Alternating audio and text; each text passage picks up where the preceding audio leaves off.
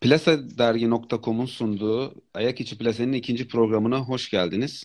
E, bu programda yine haftanın öne çıkan olayları ve maçlarını konuşacağız. Ben Çağdaş Işık, Plasadergi.com'dan. Karşımda dergimizin e, değerli yazarlarından Murat Ulusan var. Murat merhaba. Merhaba. Nasılsın? İyiyim. Teşekkür ediyorum. Umarım siz de iyisinizdir. İyiyim. Teşekkürler. Sağ ol. E, haftanın e, en ona, olay, e, öne çıkan olayı Bugün Başakşehir Kırklareli Spor e, maçı yaşandı. E, Kırklareli Spor Başakşehir'i eledi kendi evinde 0-0 berabere kalarak. İlk maç 1-1 bitmişti. E, podcast'i kaydettiğimiz bugün de en önemli olay olarak haftanın e, bu maç gösterilebilir belki ne dersin? E, kesinlikle büyük bir e, sürpriz aslında. E, Kırklareli Spor TFF 2. Lig'de e, kendi Beyaz grubunda. Beyaz grupta. beyaz grupta 12. sırada yer alan bir takım Evet. ve büyük bir iş başardı. Başakşehir e, ben maçı seyretmedim. Hı hı. 26 şut atmış. 26 Evet. şut çekmiş ve demek ki aslında buradan şöyle bir sonuç var. Önemsemişler. Yani hem Türkiye Ligi'nde gidiyoruz hem UEFA Avrupa Ligi'nde tur atladık. Türkiye Kupası olsa da olur, olmasa da olur gibi düşünmemişler. Ee, e- elemek için gerçekten mücadele etmişler. Ama sanıyorum şanssızlık da olmuş. 26 şuttan hiçbirinin gol olmaması. bir tane de direkten dönen topu var Başakşehir'in. Aynı şekilde 26 şuttan yani beraber. Dediğin gibi şanssızlık olmuş gibi. Evet öyle gözüküyor. Ve Kırklareli Spor'u da kesinlikle tebrik etmek lazım. Şapka çıkarmak lazım. Sonsuz Hı hı. tebriklerimi sunuyorum Kırklareli Spor'a. Ben de aynı şekilde Kırklareli Spor yani e, çok büyük bir iş başardı. Kendisinden kat be kat daha yüksek bütçeli, daha ikilik yukarıda. Belki de hani e, kırmızı grubu da e, hesaba katarsak belki daha fazla bile sayabileceğimiz yukarıda bir ligde oynuyor Başakşehir. E, ve Kırklarelispor'u tebrik ediyoruz. Ama şu açıdan da bakıyorum küçük bir tarafından olayın. E, Başakşehir için belki e, lig ve kupa yani Avru- e, Avrupa Ligi'nden bahsediyorum. Avrupa Ligi'ndeki ve ligdeki yarışında daha konsantre olabilmek için belki yani hani çok büyük bir e, fark yaratacağını düşünmesem de bir rahatlık sağlayabilir. E, o açıdan bakabiliriz. Sağlayabilir çünkü şöyle de düşünebiliriz. Şimdi e, Fenerbahçe bizim yayında olduğumuz zaman maç bitmişti. Fenerbahçe maçı. Fenerbahçe turu geçti. Hı hı. E, Galatasaray Perşembe günü oynayacak. Bir birlik bir skorla avantajlı dönüyor. Beşiktaş 3-2 yenildi. Tabii deplasmanda attığı iki gol var. 1-0'lık skor bile turu geçmesini e, sağlayabilir. Evet. E, böyle bakarsak büyük takımlar turu geçerse e, Başakşehir turu geçseydi büyük takımlarla eşleşme şansı olacaktı. Tabii zorlu mücadeleler üst üste gelebilirdi. Bu açıdan bir rahatlık da sağlayabilir elenmesi kendi açısından üzücü olsa da. Aynen öyle. Ben de öyle düşünüyorum. Ee, o yüzden hani e, Başakşehir için belki artı tarafından bakılabilir olaya. Kırklareli Spor'u Evet. tebrik ediyoruz. E, ve hani bu Büyük konuyla başarı. ilgili büyük başarı. Ee, bu konuyla ilgili söyleyebileceğimiz çok da fazla bir şey yok. Onun dışında çünkü maçı da hani çok ben de izleme şansı yakalayamadım. Ee, bu konuyu böyle kapatabiliriz. Ha- peki sence haftanın e, hafta sonunda tabii e, içerine almak üzere e, olaylarından e, var mı senin söyleyebileceğin bir şey? Tabii söyleyebileceğim şey şu, çok da konuşuldu, hala konuşuluyor etkisi, e, yankıları sürüyor. Bugün de e, bir gelişme yaşandı. Vedat Muriç'in gördüğü kırmızı kart ve bugün Profesyonel Futbol Disiplin Kurulu'na tedbirli olarak sevk edildi. E, bu aslında herkesin dikkatini çekti. Yalnızca benim değil, herkesin dikkatini Tabii. çekti. Bayağı gündem oldu. Haftanın en çok belki konuşulan konusu buydu. Hatta e, şu kadar söyleyebilirim ben. Maç bitti tabii e, 10 saat 10 civarı, 22 civarı Hı hı. akşam maç bitti. E, takım oyunu programı oluyorsunuz A Spor'da. Hı hı. E, yani 11'den sonra bile e, programın ikinci bölümünde bile tekrar programa bakma şansım oldu. Tamamını seyredemedim programın. Ara ara bakıyordum. Hala o konu konuşuluyordu. Yani Hı hı. maçın yorumuna çok geç geçebildiler. Çok Tabii. düşünebiliyor musunuz? Maç bitiyor. Hemen ardından dakikalarca bir saate aşkın süre bir konuşuluyor. Ee, insanlar şöyle bir şüpheye kapıldı. Bilerek mi Vedat bu kırmızı kartı gördü? Ki kupa Burada maçında cezasını e, onu da not düşelim. Kupa maçında evet, cezasını e, yaşasın ve e, hafta hafta sonu oynanacak maçta sahadaki yerini alabilsin diye böyle bir e, düşünce yaratıldı. evet acaba Ondan onun not için mi yaptı Acaba onun için mi? Evet, evet. deniyor. Şimdi tabii burada e, kuralın değişmesi gerekir kanımca. Bunu net bir şekilde ifade etmek lazım.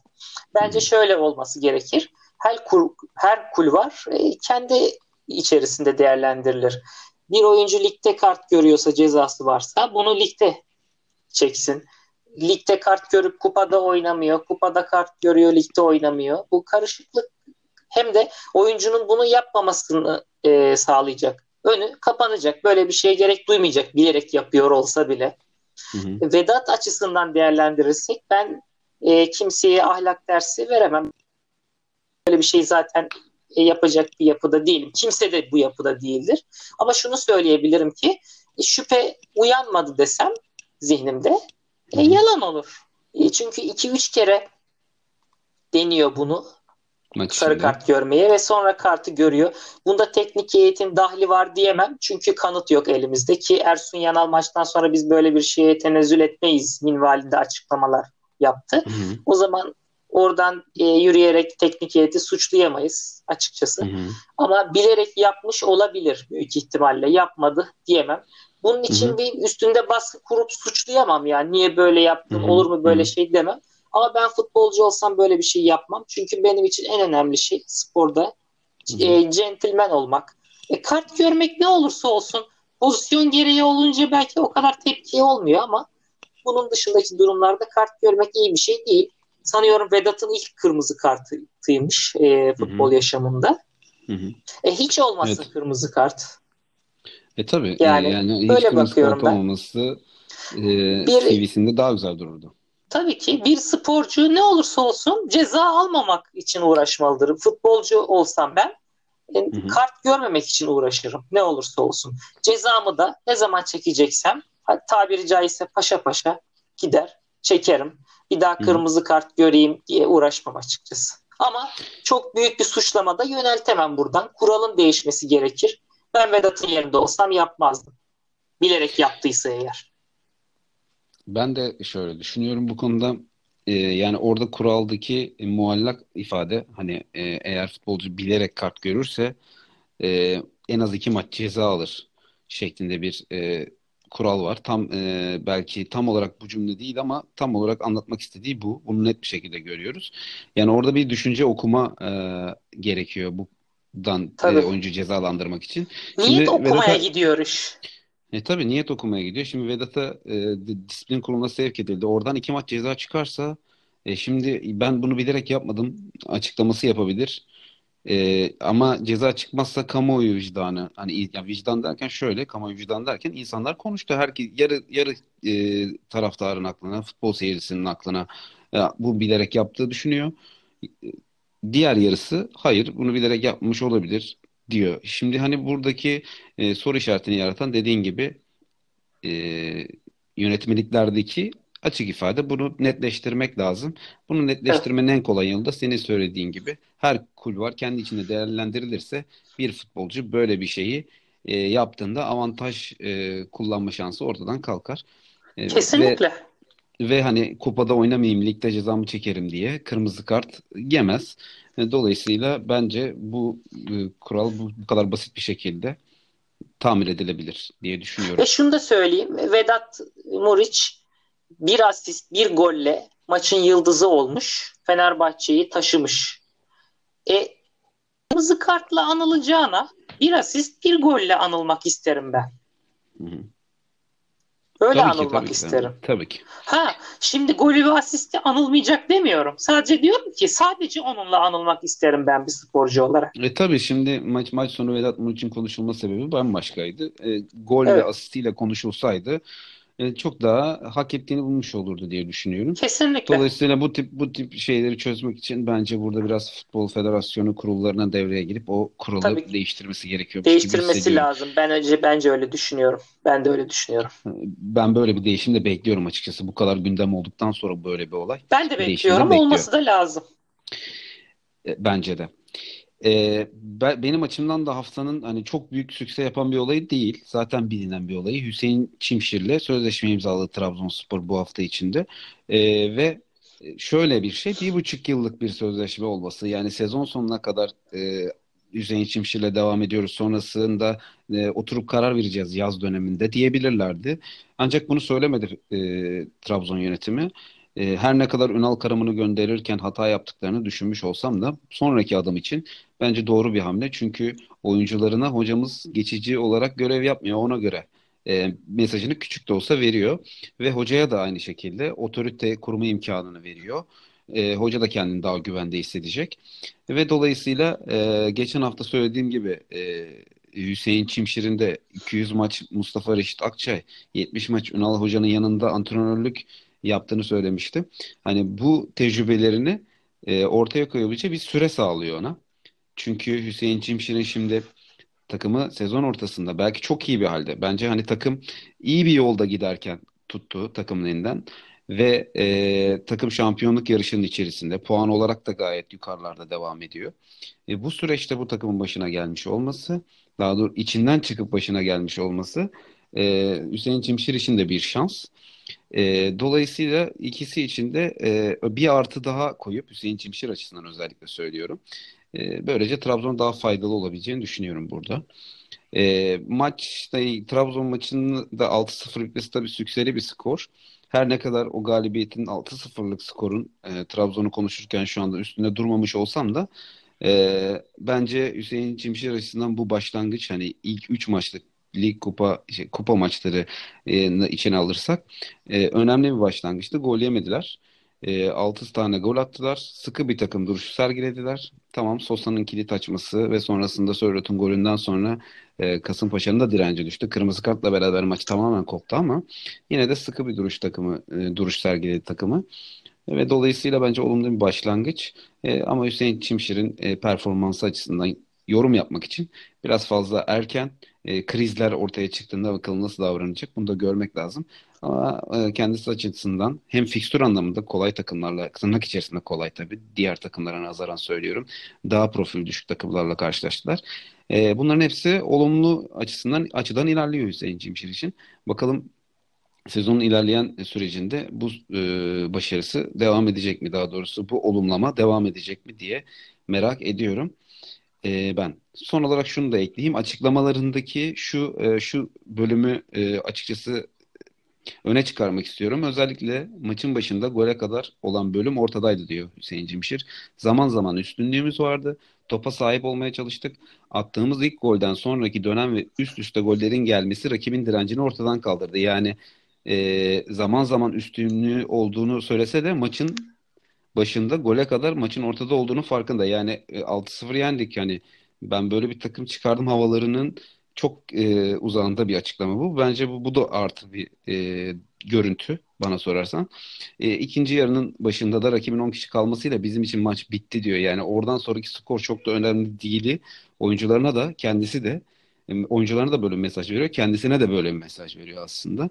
E, bu da önemli bence. E, kesinlikle. Şimdi e, şunu söyleyebilirim ben. Hüseyin Hoca'nın farkındalığının çok yüksek olduğunu hissettim ben maç sonrası açıklamalarını dinleyince. Analizi büyük analiz yeteneği olduğunu düşünüyorum ben açıkçası. Şöyle ben kendisini o kadar tanımıyordum. Antrenörlüğünü, bilgisini tanımıyordum. Geçen hafta dedim ki futbolcularda güven bunalımı olabilir mi? Bir kere e, önceki hamleleri yani Ünal Hoca'nın görevinin e, hı hı. sonlanması ve kendisinin göreve gelmesini zaten konuştuk. E, onları katmadan söylüyorum. Yapılan hamle belki de o güven bunalımını ortadan kaldıracak bir hamle oldu. Bir buçuk yıllık anlaşma imzalanması. Bence son derece müthiş bir hamleydi. Benim düşüncem bu. Ve e, belki de Hüseyin Hoca da rahatladı, takım da rahatladı. Rahatlamanın ötesinde birbirine güven açısından sıkı sıkıya bağlandı futbolcular ve teknik ekip. Ve e, maçın sonrasındaki açıklamalarını dinlediğim zaman Hüseyin Hoca'nın aslında analizini doğru yaptığını düşünüyorum ben ve Trabzon için asıl önündeki büyük güvence 6-0'lık skordan çok hocasının yaptığı akla yatkın maç sonu açıklamaydı. Çünkü her antrenör maçtan sonra dikkat ederseniz çoğu antrenör, her antrenör, her teknik direktörden bahsetmiyorum. Önümüzdeki maçlara bakacağız. Basit Hı-hı. goller yedik. Hı-hı. Ya da işte Rakibi takımını tebrik eder oyuncularını sadece tebrik Evet eder. oyuncularımı tebrik ediyorum. Oyuncularımı kutluyorum. Mücadele ettik. Evet. Mü e, rakibin hatalarını değerlendirdik. Aynen. O girdiğimiz pozisyonları değerlendirdik. Onlar değerlendiremedi gibi. Bunu daha da arttırabiliriz ama hoca Evet. gerçekten taktik konuştu.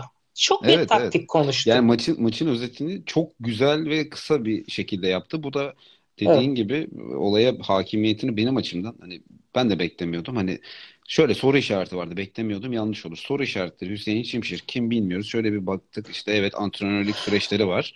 Ama soru işareti onları birazcık yavaş Kendisi yavaş kaldıran böyle ufak tefek olumlu hareketler Evet, bunlar. evet, evet. Hoca affetsin. Eğer dinlerse yayınımızı veya biri söylerse asla bunu e, küçümsemek için veya hadsizlik yapmak için söylemiyorum. Kapalı kutu gibi Evet, biraz aynen o açıdan. Aynen hoca. öyle. Çünkü tanımıyorduk. Yani hiç ben Hüseyin Hoca'nın e, yardımcı hocayken konuştuğunu hatırlamıyorum. Belki konuşmuştur da ben rast gelmedim.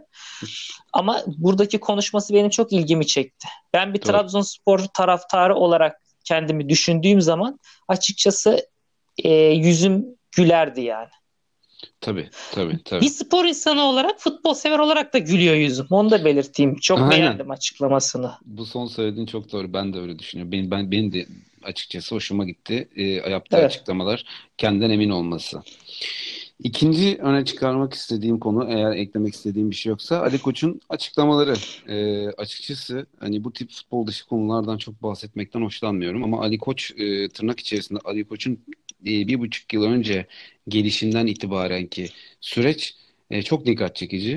E, açıklamalarından şöyle kısaca bahsedeyim. Hani tek tek okumak mümkün değil. Çok uzun bir açıklama ama genel olarak bu e, transfer e, limitlerini, harcama limitlerini e, kaldırılması gerektiğini, üç büyüklere uygun olmadığını özellikle dört büyüklere uygun olmadığını ve bu limitlerin e, bu limitlerle transfer yapamadığını ve bu limitlerle transfer yapamamasının şampiyonluğunu engelleyeceğini ve bunun için ortaya konduğuna dair açıklamaları var.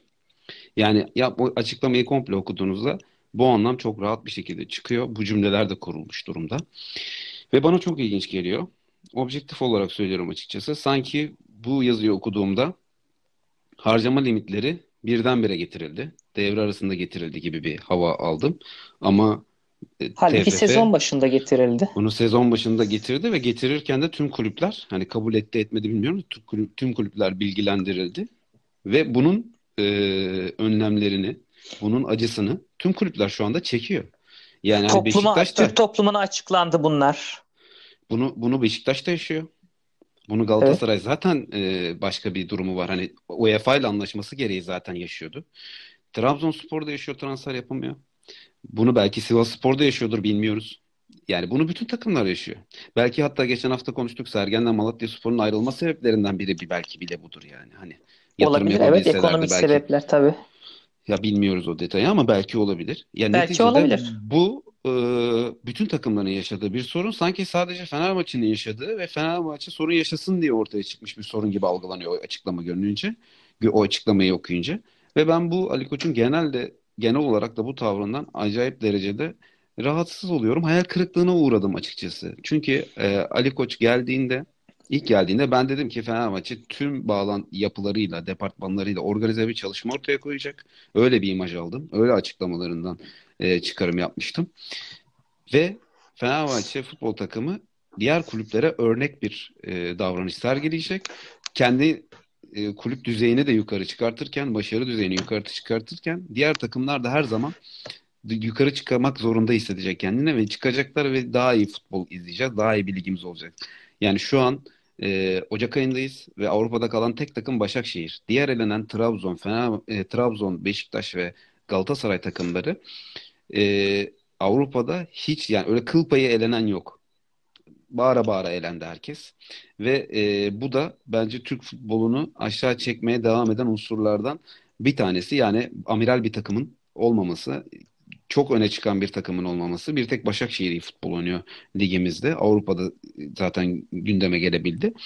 Ve Ali Koç'un da bunu önce olacağını düşünürken tam tersine böyle açıklamaları e, futbolu geren, futbol dışı, saha dışı e, açıklamaları Negatif enerji, insanlara Hmm. negatif enerji yükleyen, negatif enerji yükleyen, agresiflik katan, ortalığı Evet. geren, baskı altında ezildiğini hissediyorum mesela ben Ali Koç'un. Bunlar hep beni çok şaşırttı ve üzdü açıkçası. Bunu belirtmek Yani- istedim. Yani futbol dışı evet konuşmak istemiyoruz. Bu e, saha dışı daha doğrusu konuşmak istemiyoruz ama yani bunu bunu değinmeden edemeyeceğim bir konu açıkçası. Çok biz şaşırdım. topu saha içine doğru hani tabiri caizse dışarıdaki topu saha içine doğru vururken bir kulüp başkanının topu alıp tekrar saha dışına değil de saha içinde topu tutması lazım. Futbol severlerin topu saha dışına atmaması gerekir ama bunun öncüsü olacak insanlar. Evet, Camiaların yöneticiler. öncüleridir. Yöneticileri, başkanları, teknik heyetleridir. Hı hı. Ee, bir de şu var. O zaman bu kurallara dün Sayın Ali Koç itiraz etti. E, sen, sezon başında neden bu kadar yüksek sesle bir itirazı olmadı? Evet yani hani ya birçok şey söylenebilir. İşte öyle bir açıklama yapıyor ki sezon ortasında. Dediğin gibi bu söylenebilir. Daha yüksek sesli niye söylemedin? Diğer kulüplerle mesela dört büyük kulübün birleşip bu konuyu konuşması lazım diye destek istedi. Ve hani bunu daha önce de konuşabilirdin. Neden şimdi? Neden Evet. bugün yani taraftarına yönelik tabii ki bunu anlamayacak hani artık dinleyicilerimiz de yüzde yüz anlıyor taraftarına yönelik işte baskı Tabii altından yani sezon kurtaran devam ediyor şu an. Şu an şu an sezon devam ediyor. Kural değişsin, bir daha değişsin, bir daha değişsin. O zaman yeni tekrar sezon ortasında limit e, kuralları, limit aşımına ilişkin kurallar değişirse iki ay sonra değişmeyeceğinin garantisi var mı? E, tabii iki ay sonra da neden değişti diye sormaya başlayan bir takım çıkarsa ona da dönüp hiçbir şey söyleyemezsin bundan sonra da. Evet. Yani hani bu Ama da benim sizin işime dediğiniz gelmiyor. gibi tabii Yani taraftarlar bunu anlıyor herkes, futbol severler. Neden bu açıklamaların yapıldığını e, anlıyor tabii yüzde yüz. Ya Şüphe tabii yok. ki yani hani ba- olası başarısızlıkları şimdiden futbol bulunmaya başlanması çok enteresan geliyor bana. Hani normal başkanlık görevine işte kendi organizasyonlarını e, geliştireceğini düşünüyordum. Tam tersine hani onların şimdiden olumsuz sonuçlanmasının e, bahaneleri hazırlanıyor gibi geldi Tabii bana ve beni çok futbol şaşırttı. aklı bir camiada futbol aklının olması bir futbol takımında çok çok çok büyük öneme sahip. Çok büyük öneme sahip. Futbol aklı olacak. hı. Fenerbahçe'nin bir işte takımın- şanssızlığı şey olabilir. Hani Komolli gibi bir futbol aklıya inan, aklına inanması olabilir. Belki hani bunu şey e, yani e, küçümseyici bir şekilde söylemiyorum. Şanssızlıktır bu. Bir yandan tabii ki orada hata vardır tercihte. Geçen hafta da söylediğim gibi Komolli'nin modelin doğru olmadığı belli Tabii oldu zaten. Ko- Komil- Komolli daha yüksek e, paralar harcayan kulüplerin e, sportif direktörlüğünü yapmıştı her zaman. Öyle bağlantıları var Evet. ama e, Fenerbahçe tabii daha düşük harcama limitlerinde yapması gerekiyor şu anda bu işi. Belki öyle bir hata vardı ama tabii hata yapılabilir. Bunun dönüş şekli böyle olmamalı. Yani hani gündemi değiştirerek Kesinlikle. başka açıklamalar yaparak olmamalı. Beni Daha iyisini açıkçası. yapmaya yönelik her zaman Tabii, daha tabii. iyisi ne yapabiliriz Tabii. diye düşünmek lazım. Evet. Tabii. Onu da belirtmek istedim. Çok da hani saha için dışında konuşmak istemediğimiz için topu saha içine doğru çekelim yavaş yavaş istersen. Ee, haftanın maçıyla artık e, konuşmaya başlayalım. Beşiktaş Galata şey Sivasspor maçı özür dilerim. Beşiktaş Sivasspor maçı. Ee, maçla ilgili görüşlerin neler? Şöyle geçen e, programda konuşurken tabii haftanın maçı olarak bunu öne çıkarmıştık. Bu da çok doğaldı. Herkes böyle düşünüyordu. Ve heyecanlı bir maç oldu açıkçası. Tabii. E, iki, bir duran top golü, bir duran topta kaleciden dönen topun tamamlanması. Yani duran toplar Evet. karşılıklı golleri getirdi. Ve sonra da e, Fatih'in, Beşiktaş'ın kiralık olarak gönderdiği Fatih'in pasıyla mükemmel pasıyla Yatabare'nin buluşup gol yapması ve Sivas'ın Evet. İstanbul'dan altın değerinde 3 puanla dönmesini sağladı. Burada ben Sivasspor'un akıllı oynadığını, doğru futbol oynadığını düşünüyorum. Ve Beşiktaş'ın e, kötü bir futbol ortaya koyduğunu düşünüyorum açıkçası. Abdullah Hoca e, seyircinin baskısıyla belki daha kötü oynadık dedi. Yani seyirci hemen gol istedi. Seyirci çabucak Hı hı. sonuç bekledi. Hı hı. Biz de bunun duygusal ritmine kapıldık. Belki seyircinin duygusallığına biz de ayak uydurunca duygular aklın önüne geçti dedi. Ama ben bunun bir mazeret olduğunu düşünüyorum. Yani bu maç seyircisiz oynansaydı daha farklı bir oyun mu olurdu? Hayır bence. Bence kesinlikle e, doğru bir tespit olduğunu düşünüyorum. Ben de hani olayın tamamen saha içerisinde yapılan hatalarla ve e, bir takımın evet. daha iyi olduğu noktaların öne çıkmasıyla olduğunu düşünüyorum. Nedir bu iyi noktalar? Geçen hafta Sivas'la ilgili böyle e, bazı küçük e, istatistikler vererek anlatmaya çalışmıştım. E, Sivas Spor dikine çıkmaya çalışan, e, havadan çıkmaya çalışan eğer pasta çıkamıyorsa hemen havadan çıkmaya çalışan bir takım. Ve e, ileride Yatabare'nin tuttuğu topları sağa sola servis etmesi ya da Yatabare'den vur, vuramayıp da seken topları toplamaya çalışan orta saha oyuncularıyla bu orta saha oyuncuları bu arada senin de az önce belirttiğin gibi biri Fatih Aksoy Beşiktaş'tan stoper e, oynatılmayarak, önemsenmeyerek gönderilen ya bunu şey yapma, egzajer etmemek lazım tabii de hani Fatih Aksoy forma şansı bulamayacaktı, gönderdiler. Orta saha olarak görev yaptı stoper oyuncusu. Diğeri de Ziya Erdal, e, yılların bek oyuncusu. İki tane orta saha oyuncusu, e, top toplayabilen, top kapabilen orta saha oyuncusuyla e, seken topları da onlarla top, toplayarak işte Emre Kılınca, dün Erdoğan oynadı, Erdoğan geçen gün Erdoğan oynadı, Erdoğan Yeşilyurt'ta servis ederek atak e, tazeliyorlar. Sürekli bir şekilde bunu deniyorlar Sivas Spor. Bence Sivas Spor için şöyle bir şey, e, Beşiktaş'ın kadrosuna baktığında Rıza Hoca Caner'i sol tarafta görünce rahatlamıştır. Çünkü Sivas Spor zaten geçen hafta da bahsettiğim gibi kapalı takımlara karşı zorlanabilecek bir oyun oynuyor. Ama eğer Sivas Spor'a karşı açık oynarsanız arkada zaten boşluk olur. Hele ki bu açık oyunu bu açık oyunu bir de dar alanda çok da fazla işte ceza sahası koşusu yapmayan, e, çok hareketli olmayan öne doğru, gol noktalarında bulunamayan bir oyuncuyla kanatlardan birini kullanırsanız daha da rahatlar. Çünkü hem kendi yarı sahasında bulup çok fazla e, tehlike yaratamayacaksınız hem de arkanız açık olacak. E, dolayısıyla e, Rıza Hoca bence Caner'i gördüğünde memnun olmuştur. E, şunu da eklemem lazım. E, şöyle ki Beşiktaş, e, Sivas Spor'un dediğim gibi bu tip takımlara karşı daha rahat oynayacağını yani Beşiktaş, Galatasaray, Fenerbahçe, Başakşehir hatta geçen hafta biraz bahsettiğimiz Malatya Spor gibi hani topu ayağında tutabilen, topu rakip sahayı yıkmak isteyen takımlara karşı daha rahat oynayacağını, daha küçük takımlara karşı zorlanacağını düşünüyorum ben. Ve mesela örneğin e, Malatya mesela Malatya ile oynayacak Sivasspor önümüzdeki hafta. Malatya Spor'a karşı bence o kadar yine zorlanmayacaklar. Çünkü defansif oyun pratiği çok gelişmiş değil ama sonraki hafta Rize Spor maçı eğer hani bir duran top ekstrem bir durum olmazsa ben zorlanacaklarını bir maç olacağını düşünüyorum. Şimdiden bunu söyleyebilirim. Hatta Antep'te sonra oynayacakları Antep'te yine bence zorlu bir maç olacak Tabii onlar için ama e, Rize Antep zor geçer. Yani bu Rize ve Antep maçları Sivas için zor geçer. Ya ilginç yani, bir takım profili Sivas. Komik evet, yani. Gerçekten... Yani büyük, büyük, büyük takımlara karşı daha rahat oynayacak bir oyun oynuyor. Yani kalenin önüne otobüs çekmeyen takımlar evet. takımlar Öyle bir aslında Sivas takım. için daha iyi. Bence de öyle, bence de öyle. Aynen öyle. Beş, son olarak ekleyeyim, sen de unutma lütfen lafını.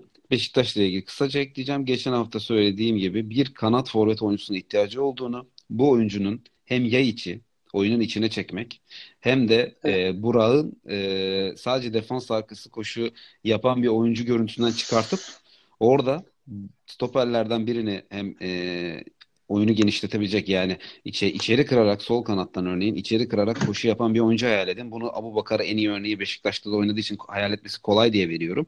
İçeri soldan kırarak e, koşu yaptığını düşünün. Orada Burak'ın alanını genişletecek. Yani iki stoperin arasında ezilmesini engelleyecek. Hem de yay için o koşuya attığında pas atabileceği hem de topla buluşabileceği bir alan. Yani bekle beraber takip ettiğini varsayarsak o içeri kıran oyuncuyu oradaki dağılmadan Yayık çok güzel faydalanabilir ve e, Burak'ın da alanını genişleterek Beşiktaş'ın böyle bir oyuncuya ihtiyacının hala devam ettiğini Caner'le oynayarak da tamamen e, bunun antisini yaptığını ve ben de bu maçta Abdullah Avcı'nın sınıfta kaldığını düşünüyorum açıkçası. Karyusuz da tabii hata yaptı ama karşılığında yine bir hatayla golü buldular. O yüzden hani kaleci hata yaptı bu yüzden maç oldu diyecek bahane de ortadan kalkıyor o noktada. E, ve dolayısıyla ben de Abdullah Avcı'nın biraz bu maçta sınıfta kaldığını düşünüyorum açıkçası. Bunu da Hem öyle oldu. Bir de sınıfta kalmasının ötesinde e, benim şaşırdığım nokta maçtan sonraki yaptığı açıklamaydı. Duygu aklın önüne geçti.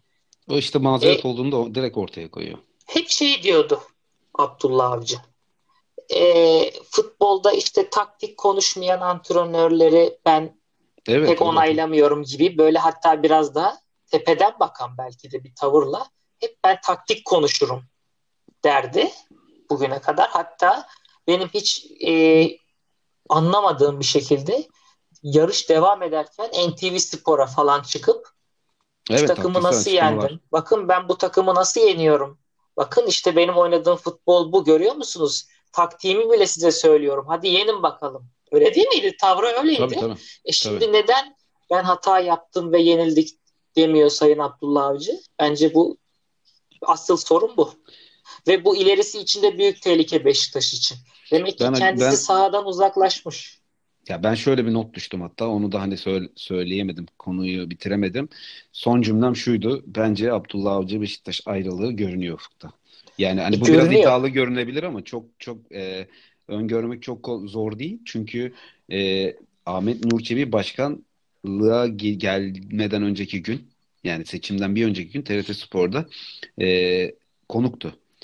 Röportaj e, ortamında.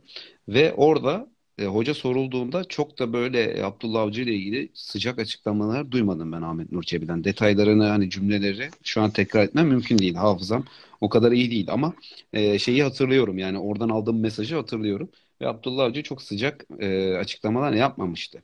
Mesafeli duran e, Doğru ben de hatırlıyorum. e, bir açıklama yapmıştı ve şu an Abdullah Avcı'nın performansı da böyle giderse ben vazgeçmekten çok fazla çekineceğini düşünmüyorum.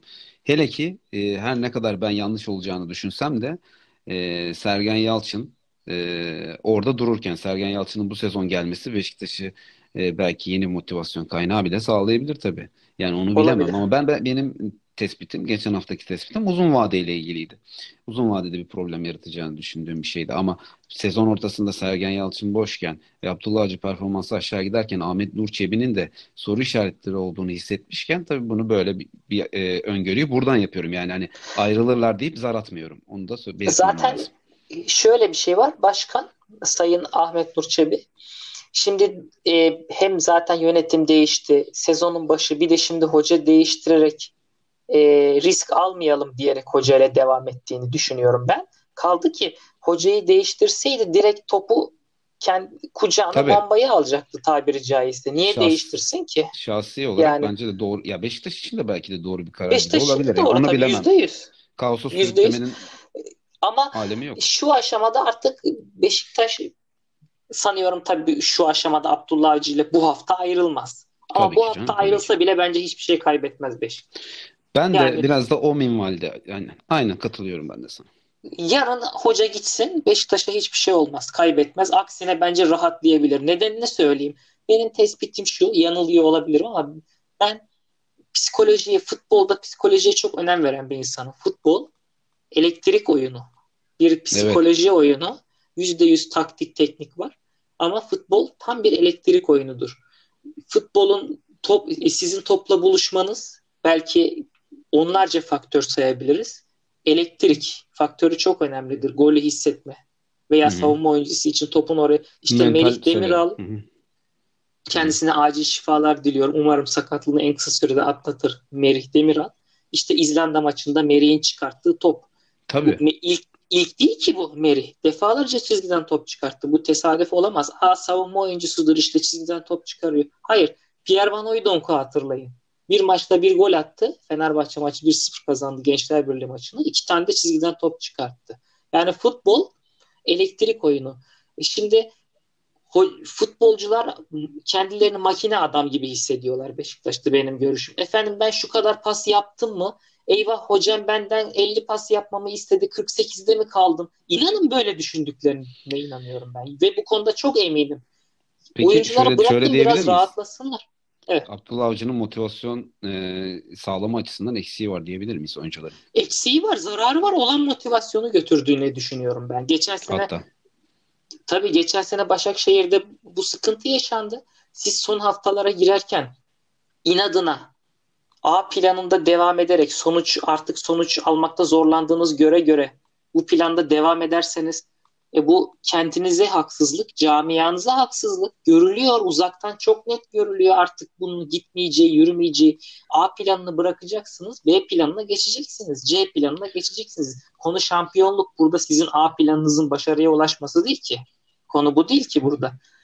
E, böyle bir kötü tecrübe yaşam, yaşamasına rağmen hala aynı şeyde devam etmesi bana çok ilginç geliyor. Futbolda siz projelerinizi hayata geçirmek için tabii ki bir zaman istemekte e, isteme konusunda hakkınız var. Büyük camia da olsa, her ne kadar sabırsız camialar da olsa bu hakkınız, zamanı isteme hakkınız var. Ama hiç sonucu önemsemeden A planında devam etmek bence artık biraz teknik taktik şeyden çıkıp iş inada biniyor ve futbolcuları inanın şunu söyleyeyim Abdullah Avcı önümüzdeki sezon Beşiktaş'ta bence %99 olmaz. Bu sezon sonuna kadar ancak gider giderse. Futbolcular rahatlayacak. Neden rahatlayacak? Çünkü futbolcular makine değildir. Futbol sadece bilgisayarda verileri girip sonuçlarla hareket edilen bir oyun değildir futbol. Futbol bambaşka bir oyun. Bugün futbolda 2 santimle offside belirleniyor. 2 santimle penaltı oluyor. Ceza sahası çizgisine basıyorsa düşerken, düşürülürken penaltı oluyor. Futbolda bilime tabii ki önem vereceksiniz. Bilgisayara tabii ki önem vereceksiniz. Bunları önem vermeyeceksiniz demek çağı inkar etmek olur.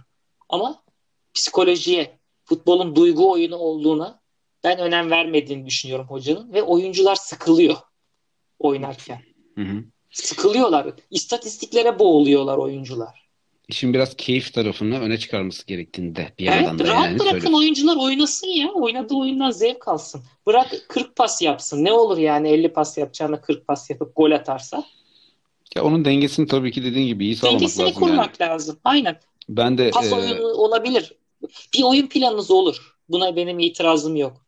Hı. Ama oyuncuları serbest oyunculara serbestlik sağlamazsanız işte böyle maçı açmakta zorlanırsınız. Şuursuz ortalar. Maçın sonlarında öyle olmadı mı? tabii tabii. Şuursuz tabii, tabii. toplar.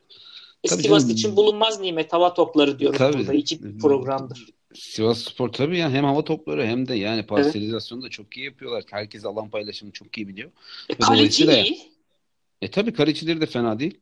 E, Tabii. her ne kadar yan toplarda bazen esnese de ya da gösterse de biraz zaafları öyle. tabii ki var ama kaleci fena değil. Duran Yani toplarda hani hafif dolayısıyla- zafiyeti var. Frikik'te bir sektirdi. Gol oldu falan. Ya Ama tabii yine de e, Sivas için hava topları tabii, Tabii. onlara çalışıyorsunuz adeta. Tabii tabii, tabii topu kesinlikle. atarak, aynen Yani hani e, benim öngörüm peki son olarak yani şöyle kısaca e, şey yapıp Fenerbahçe maçına geçelim. E, haftaya olan Göztepe e, Beşiktaş maçı ile ilgili kısaca böyle bir öngörünü alayım. Şöyle Ee, küçük. Tabii Göztepe'nin stat açılışı. Tabii. Ateşli türbünler olacaktır. Fut- Ben Göztepe'de futbola- oturuyorum. Belki öyle bir fırsat yakalarsam belki ortamı görebilirim bilmiyorum. E, Bence çok güzel bir tecrübe olur stat açılışı. Her izleyici Evet. hangi takım tuttuğu fark etmeksizin ben Tabii orada ki. olmayı çok isterdim aslında. E, Göztepe'nin taraftarı ateşli bir taraftar. Takımını iten bir taraftar aslında. Hı hı. E, bence çok güzel bir atmosfer olacak. Bu da aslında Beşiktaş'ın şanssızlığı olabilir. E, Beşiktaş'ın mutlak kazanmak zorunda olduğu maç. Ben aslında şöyle düşünüyorum. Yeni stadın da etkisiyle ve Göz İlhan Palut Hoca'yı da beğeniyorum. Göztepe'nin yenilmeyeceğini düşünüyorum ben.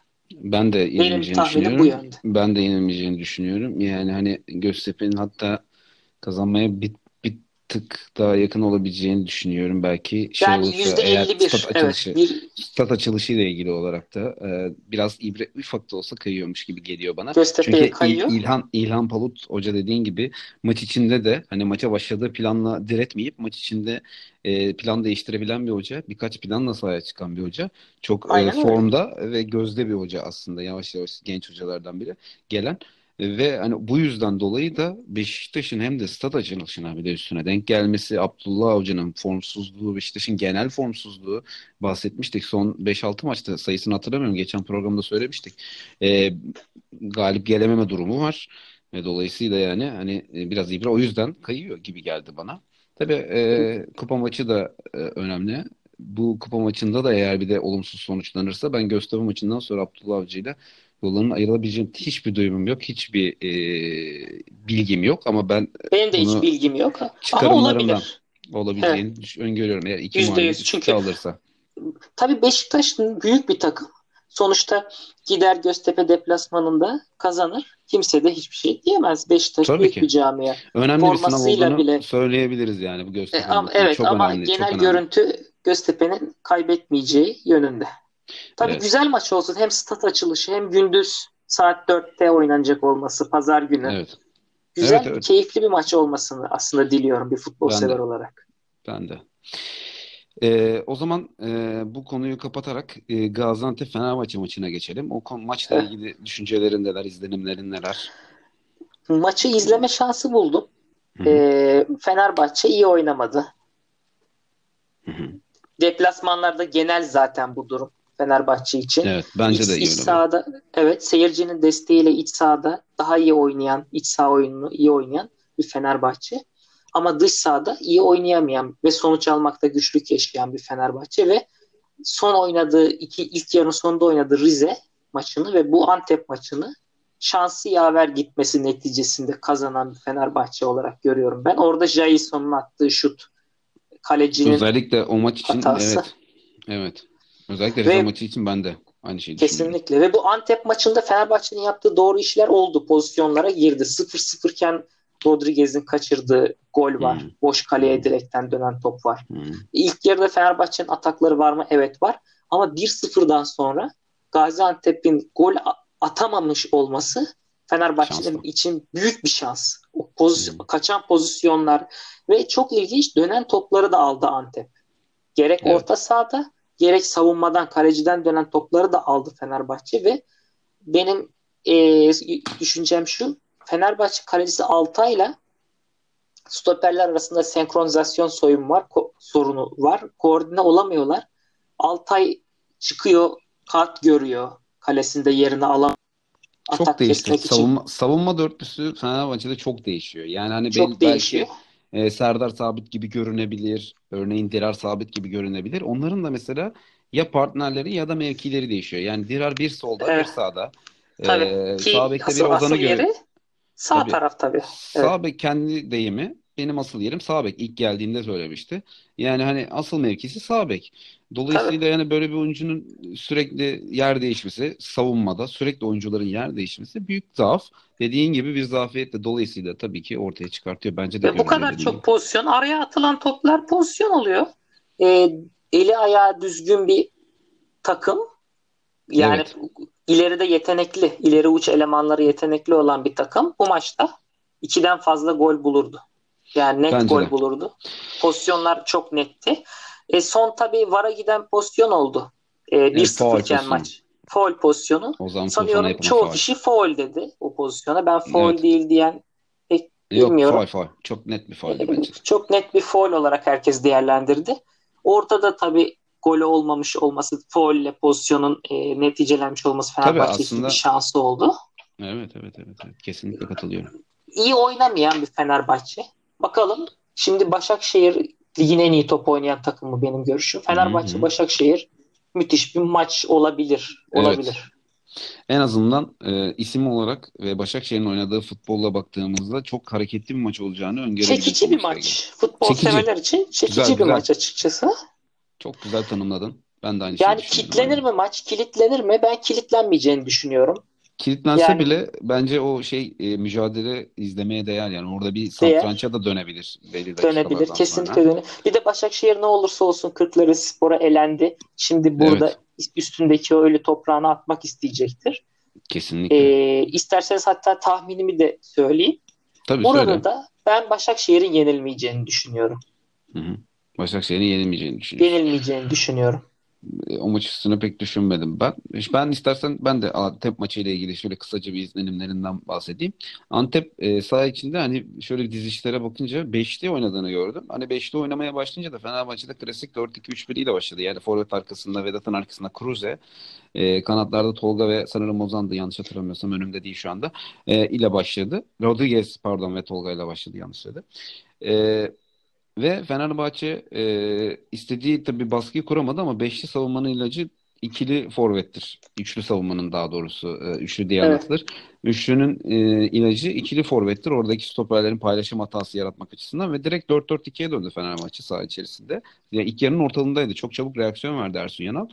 E, ve hani o sırada da e, o baskıyla da golü buldu ikili forvete döndükten sonra. Senin de dediğin gibi e, Ant, golü yedikten sonra daha doğrusu golü attıktan sonra Fenerbahçe Antep e, bir değişiklik yaptı. Bu da Muhammed Demir sahaya girdi.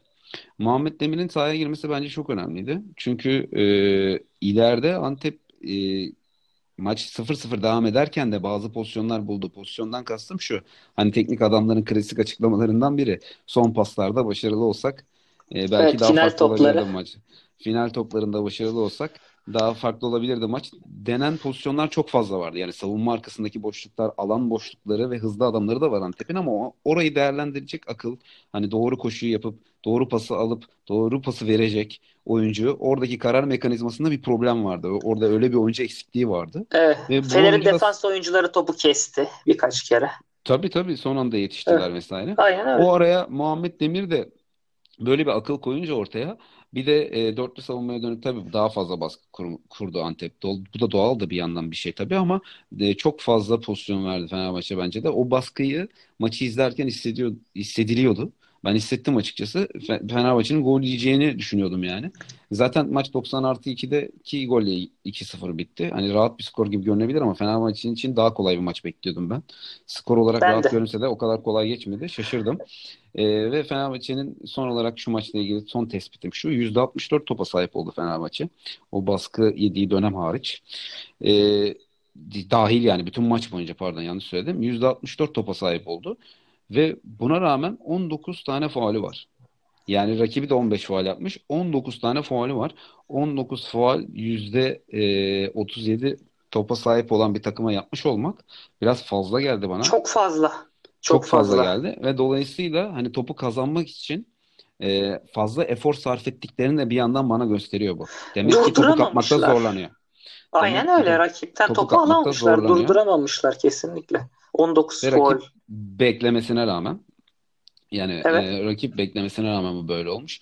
Ve dolayısıyla Fenerbahçe'nin bu noktada çok e, eğer e, hücum bölgesinde akıllı oyuncuları olan bir takımla karşılaşırlarsa bu da Başakşehir oluyor önümüzdeki hafta için. Sonra Trabzon. E, sonra da Trabzonspor aynı şekilde Sonra akıl Alanya. oyuncu. Takım. Gerçekten 3 tane zor maç. Üç tane çok zor. Alanyaspor istatistikleri incelediğimizde ligin gerçekten çok ilginç şeyler çıkıyor. Onu da önümüzdeki programlarda konuşmak istiyorum. Evet. Şimdi hani bu programı yetiştiremeyiz. Tabii. Ee, Alanyaspor gerçekten çok e, farklı bir takım. Çok e, üstte ilginç e, istatistiklerde. Bu üç maç Fenerbahçe için çok zorlu görünüyor. Eğer bu üç maç zaten geçen haftada da konuşmuştuk. Hani bu üç maçtan Evet. çıkarlarsa e, önleri açık. E, ama ben bu e, istatistikler ve oyunla pek öngörmüyorum açıkçası. Ben de öngörmüyorum ve şunu da söylemek lazım. Demek ki e, buradaki sonuç Fenerbahçe top rakipteyken çok büyük sıkıntı yaşıyor ve girdiği maç periyodundaki rakipler üst üste top kendilerindeyken çok büyük e, maharetleri olan takımlar, Tabii. yetenekleri Tabii. olan takımlar. E, bakalım burada nasıl bir sınav verecek Fenerbahçe takımı. Ben geçen haftaki tahminimde yan- aslında bildim diyemem, yanıldım. Neden yanıldım? Çünkü ben Fenerbahçe kazanır dedim, kazandı. Kolay yoldan derim ki Aa, ben sonucu bildim. Hatta kısır bir maç olur dedim. Evet iki gol oldu. Ama şöyle Hı hı. yanıldım. Fenerbahçe'nin Daha iyi. ben daha oturaklı, daha iyi bir futbol, pozisyon daha az pozisyon veren bir futbol oynayacağını düşünüyordum. Burada yanıldım. Dolayısıyla skor doğru oldu diye bunu da söylememek olmaz. Ta- e, oyunu böyle tahmin etmiyordum ben. Tebrik ederim seni bu mütevaziliğin için. Ee, şimdi e, istersen son maçımıza geçelim. El- e, yaklaşık 50 dakikaya doğru yaklaşırken Galatasaray Evet, Denizli maçı. Galatasaray. Bu maça istersen giriş yapayım ben. Ne dersin? Hani senin için Olur. bir problem yoksa. Sonra Ee, ben devam ederim. Aynen. Sonra sen devam edersin. Ya Galatasaray e, Saratçı. Geçen hafta Sarakki deyip durmuşum bu arada. Saratçı doğru okunuşu anladığım kadarıyla. E, Saratçı'nın. E, Saratçı. Sanıyorum Saratçı. Herkes Saratçı? Saratçı diye okuyor. Ben geçen program boyunca Sarakki demişim kendisine. O da biraz komik oldu dinlerken ben. Ee, şimdi Saratçı'dan bahsedeceğim biraz. Saratçı'dan bahsetmek mümkün değil. Bence maçın yıldızıydı zaten. Ee, Emrak Baba ile beraber. Ama Yüzde bence yüz. Saratçı biraz daha oyunu domine etti.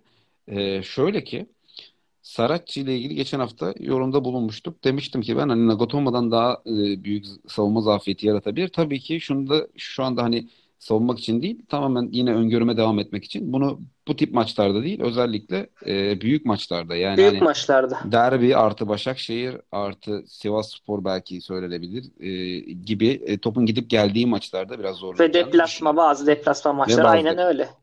düşünüyordum. Onu bir kenara koymak gerekirse Galatasaray şöyle ilginç bir şey yaptı. Galatasaray savunmada farklı, hücumda farklı dizildi. Savunmada solda Saratçı, Marka, Donk, Lines dörtlü. Ömer solda, Seri yanında, Lemine yanında, Feguli yanında. Önlerinde Emre Akbaba forvete çok yakın bir şekilde ve yine Falcao. E, Falcao evet. biraz hafif geri gelerek Emre Akbaba hafif öne çıkarak yani çok ileride de değil çok geride de değil takım boyunu kısa tutmaya çalışarak Galatasaray böyle 4-4-1-1'e yakın bir dizilişte savunma pozisyonundaydı. Ama topu kaptığında çok ilginç bir şey dönüştü. Ben açıkçası daha önce görmemiştim. Galatasaray belki bunu yapmaya çalışıyordu. Dikkat e, yani e, fark edemedim bilmiyorum. Ama şöyle bir şey oldu. Topu kapınca Lemina savunmanın arasına girdi. Ya soluna ya sağına ya ortasına. Marka ile Donk'un arasına. Sarakki ile Lines çok öne çıktı. Zaten bunu hep deniyordu bekleri öne çıkarmayı. Burada bir sürpriz yok. Seri defansın hemen önünde yer aldı. Topu ilk almaya çalışan oyuncu. Sarakki, Ömer, Feguli. E, hatta ya, Emrah Baba aynı sırada dizide forvetin arkasında 3 kişi gibi oynadılar. Yani kanat oyuncusu gibi değil de hani defans pozisyondaki 4-4-1-1'deki gibi kanat oyuncuları Ömer ve Feguli gibi değil de Sanki orta saha e, forvet arkası Falcao'nun hemen arkasındaki Ömer, Feguli, Emre Akbaba gibi bir dizilişe dönüşüyordu. Hücum ederken Galatasaray. Ve hızlı, daha hızlı şekilde pas yaparak daha hızlı bir şekilde 3. bölgeye geçmeye çalışan bir Galatasaray gördük. Çünkü 3. bölgede daha fazla adam ve Saracchi'nin performansı vardı. Yani oradan Nagatomo'nun sağlayamadığı bütün hücum e, eksikliklerini Saracchi teker teker fazla fazla bence ilk maçına göre gösterdi. Bir ee, asist konuda, yaptı, üç asist de yapabilirdi. Bir asist yaptı, aynen söylediğin gibi üç asist de yapabilirdi. Sürekli boştaydı, pas atılmayan pozisyonlar da var topun hani görülmeyen sadece evet. Sürekli bir şekilde orayı deldi. Lines'i geçen hafta konuşmuştuk. Zaten maç eksiği olacağını tahmin ediyorduk ama Saratçı'dan bu performansı tahmin etmiyorduk. Lines mesela orada biraz eksik kaldı gibi görünüyor. Bence biraz orada şunu da söylemekte fayda var. Önündeki Feguri'nin savunma anlamındaki e, yardımlaşma eksiği, yardım etme eksiği tabii biraz orada Lines'in hücum performansını da etkiliyor öne giderken biraz daha tereddüt ediyor Lines. Çünkü arkasını kapatacak oyuncudan çok Tabii. emin değil. Normalde ee, Lines şut atardı, içeri bindirmeler yapardı, sağdan bindirmeler yapardı, içeri girip şut atardı sağdan falan. Ama Hı-hı. bu sefer çok olmadı bu maçta. Çünkü evet. savunmayı ilk planda tutmak durumunda kaldı. Sizin dediğiniz Fe, gibi. Evet. Feguli e, e, dolayısıyla böyle olduğunu düşünüyorum. Aynı zamanda tabii e, maç eksiği de bunun maç eksiği de var. girer. E, son olarak yani Galatasaray'ın e, bu, bu oyunu ama çok büyük boşluklar verdiğini düşünüyorum ben Galatasaray'ın aynı zamanda bu oyunu oynamaya çalışırken. Çünkü ileride şöyle bir dizilim olmuş oluyor.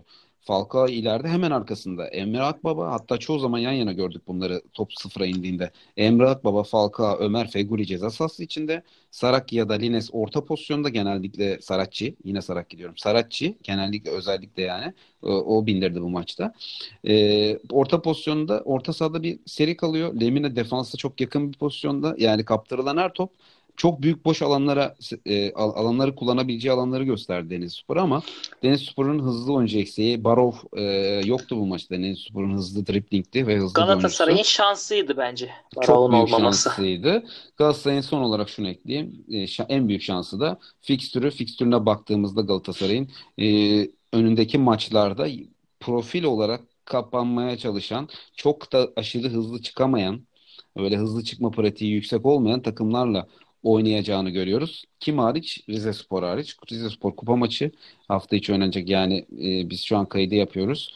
E, bugün günlerden salı. Perşembe günü Perşembe günü e, oynanacak kupa maçı hariç. Çünkü Rize Spor bence fena hızlı çıkmıyor. Sonuçlandırabilir mi bilmiyorum ama fena hızlı çıkmıyor. O alanları değerlendirebilir. E, ama diğer yandan ligdeki karşılaşacağı takımlar çok da fazla hızlı çıkamayan takımlar olduğunu düşünüyorum. En büyük şansı bu. Önündeki Galatasaray'ın önündeki e, 4 maç Kasımpaşa maçı da dahil e, Konya, Kay- Kayseri, Kasımpaşa Kayseri. hatta Yeni Malatya. Bunlar Yeni Malatya tabii.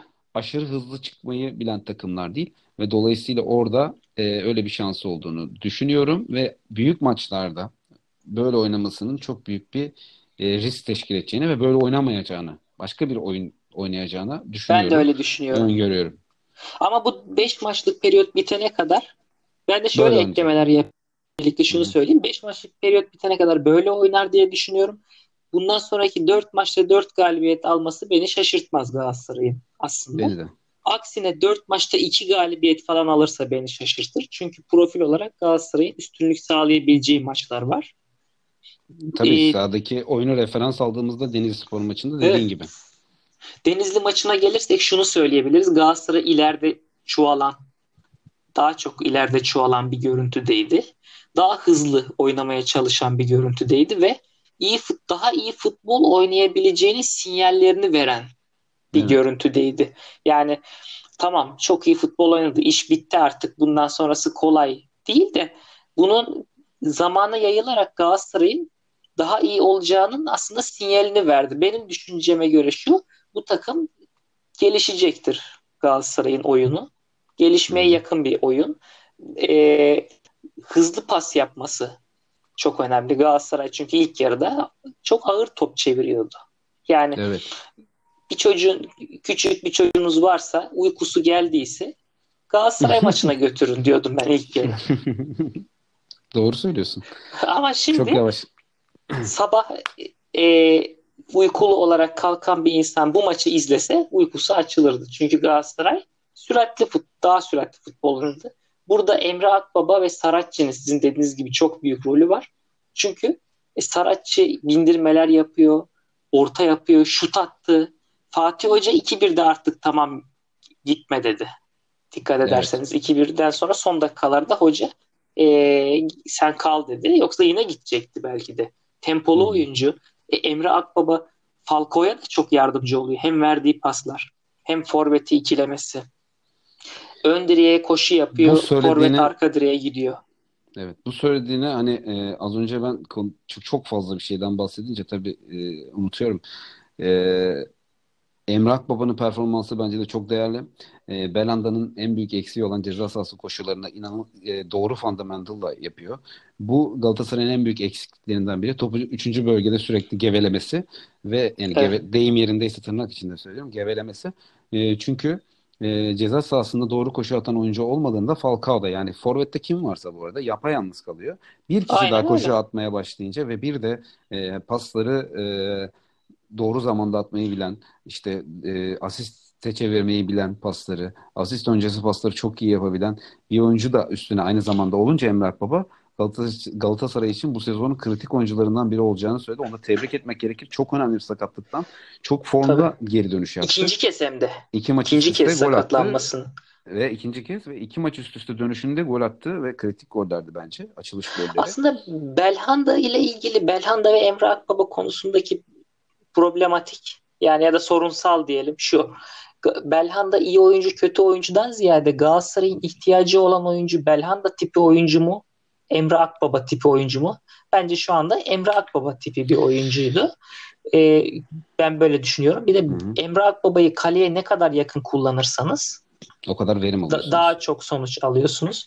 Ve e, şu var Falcao ile Emre Akbaba açıklamalarında ikisi de birbirini övdü. Ve ikisi de işte Emre Akbaba dedi ki Falcao'nun varlığı benim için çok önemli. Falcao dedi ki Emre Akbaba'nın olması benim için çok önemli. Birbirimizi iyi anlayacağız dedi, anlıyoruz dedi. İkisi de birbirinden memnun yani. Öyle görünüyor. Aslında yani, öyle görünüyor. Şunu da söylememde Belanda konusunda fayda var. Şunu demek istemedim. Belanda e, yani sen konuşunca fark ettim. Emrah Baba Belanda'dan çok daha iyi bir oyuncu gibi bir yani onu anlam çıksın istemem. Bunu demek istemedim. Bence hatta problemlerden biri Fatih Terim'in e, Belanda'yı ilk Akhisar maçında kullandığı gibi hemen forvetin arkasında biraz daha serbest forvet gibi kullanmaması bence Belanda'nın performansını düşüren etkenlerden biriydi. Yani Belanda'yı da şöyle bir oyunun içerisinde görmek gerekir o bölgede ki hani Aynen evet, öyle. E, Belanda, Emrah Baba performansına bakınca şöyle bir durum var diyebilelim. Çok fazla izleyemedik Belanda'yı. O pozisyonda yani böyle Belhanda'nın bir oyunun da kaleye yakın oynaması lazımdı. Bence bence de e, ve o zaman evet. ben de performansının hani bu kadar olur olmaz onu bilemem ama gö- yani kendi performansının çok daha yukarıda olacağını düşünüyorum. Belanda kötü oynadıkça daha kötü oynamaya başlayan bir oyuncu. Çünkü. Tabii bir de şu Biraz var. Bu oynayan bir oyuncu. Saha dışı bir şey. Gerçi saha içinde yaşandı. Ne kadar saha dışı ama değil. bir fut, futbol sever bunu söylemek lazım. E, Belhanda'nın Real Madrid maçında taraftara karşı takındığı tavır tabii öncesindeki Hı-hı. tepkilerden üzülmüş olabilir. Ama Hı-hı. takındığı tavır bence affedilmesi pek mümkün olmayan yaralayıcı, kırıcı, nobran bir Hı-hı. üsluptu. Çok kötü bir üsluptu. Ee, konuştuğu dilde bir de küfür ediyor Hı-hı. orada. Yani Hı-hı. bunu neden söylüyorum? Konuştuğu dil dememin sebebi şu. Artık orada iş şeye dönmüş. Kendini kaybetmiş. Tabii. Refleks kendini ka- Yoksa taraftar onu anlamaz. Ama onu düşünmüyor. O an kendini kaybetmiş. Refleks olarak ağzına geleni söylüyor. E bu sağlıksız bir şey ve yaralayıcı bir şey ve hangi takım olursa olsun her forma kutsaldır. E, bu son derece yakışıksız. Yani formanın içindeki insanların da formanın giydiği formanın kutsal olduğunu hangi takımda oynarsa oynasın bilmesi gerekir. Bu bu hareket affı pek mümkün olmayacak bir hareketti. Buna e, buna katılıyorum. Çünkü e, ya en azından şöyle ben hani böyle cezalandırılmalı, asılmalı, kesilmeli değil de e, böyle Yok, bir değil. tepkiden sonra hiçbir oyuncunun arkasında durmamak gerekiyor. Yani Kesinlikle. direkt karşına da almayabilirsin ama arkasında durmamak gerekiyor. Burada ince bir Fatih Terim eleştiri gider. Zaten bu sezon oyuncu tercihleri ve e, forma adaletiyle ilgili çok fazla e, gündem oldu. Ve bunda işte hani bu tip e, tercihlerden dolayı e, geldiğini düşünüyorum. Ben Fatih Terim'in kendi açıklamaları da var zaten hani iyi oynadıkça, iyiye döndükçe sanki her şeyin düzeleceğini düşündüğünü e, yani bu tip açıklamaları vardı. E, onun için yaptığını düşünüyorum ama bence yine de hataydı dediğin gibi. O, o tavır, Belanda'nın o tavrı e, kabul edilmemeliydi. En azından mesela bir maç, iki maç kenarda oturup e, bunun hani hata olduğunu, kendisine mesajını ve taraftara da aynı şekilde bakın hata yaptı. E, ben de ona e, karşılığını veriyorum diyerek hani kadro dışı bırakmak gibi ceza olmasa bile Değil, birkaç evet. maç birkaç maç biraz kenarda oturmakta fayda olabilirdi. Çünkü dediğin gibi hem saha içinde de şöyle bir şey var.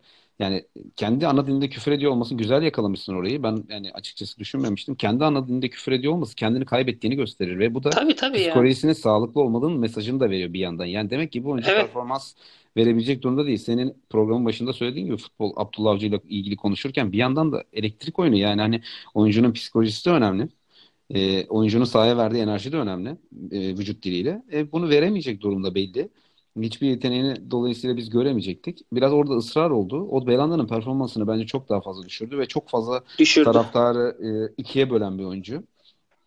Hani Belanda'yı çok seven seviyor seviyor. E, seven çok seviyor ama sevmeyen de neden bu adam sağda diyor. Her hareketi batıyor.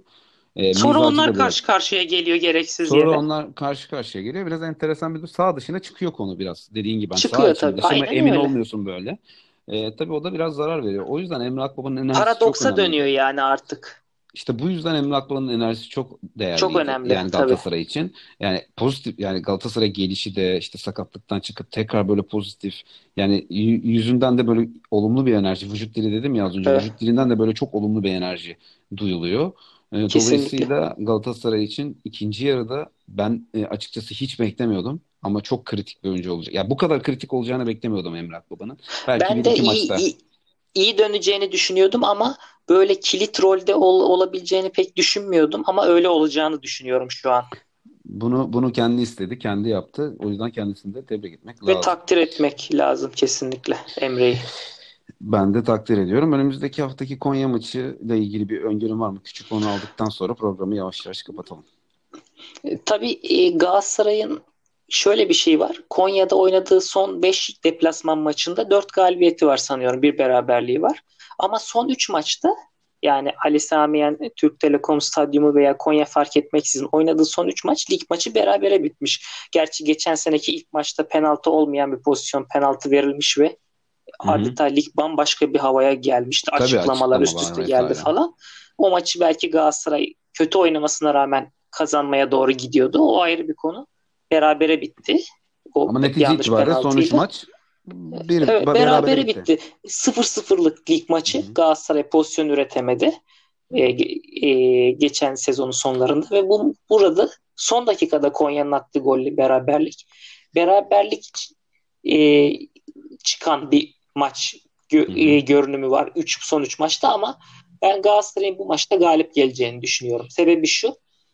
Çünkü oyun profili olarak Galatasaray Konyaspor'u e, Saratçı ile, bekleriyle Hı-hı. ve Emre Akbaba ile üstünlük kuracağını düşünüyorum. Bunda da zorlanmayacağını düşünüyorum ben. Oyun olarak üstünlük kuracağını ben de düşünüyorum. Ee, ve, ve sadece hani top e, topa sahip olma üstünden bahsetmiyorum. Pozisyon anlamında da iyi pozisyonlara gireceğini düşünüyorum. Tabii orada kritik olan nokta golün e, gelip gelmeyeceği. Çünkü Galatasaray'ın bir yandan da deplasman fobisi var artık. Yani hani önceden tabii, tabii. E, ben ben bu tip şeyleri çok da fazla hani böyle e, nasıl diyeyim inanmam mı diyeyim ben, doğru bulmam ben ama de bir yandan inanmam da var. yani tesadüf Senin... olarak görürüm ama var bu. Çünkü Galatasaray golü bulmakta gecikirse maç tabii ki kilitlenebilir. Oyuncular yavaş yavaş bu strese girecektir diye düşünüyorum. Çünkü ama hani, pozisyon bulacağını düşünüyorum ben. Ama ama ben de aynı şekilde pozisyon bulacağını. Değerlendirmeye bağlı. Bunları eğer atarsa. Değerlen, evet değerlendirebilirse Galatasaray. E, çünkü bir de şöyle bir durum var. Galatasaray artık ikiye atınca da rahatlayamıyor.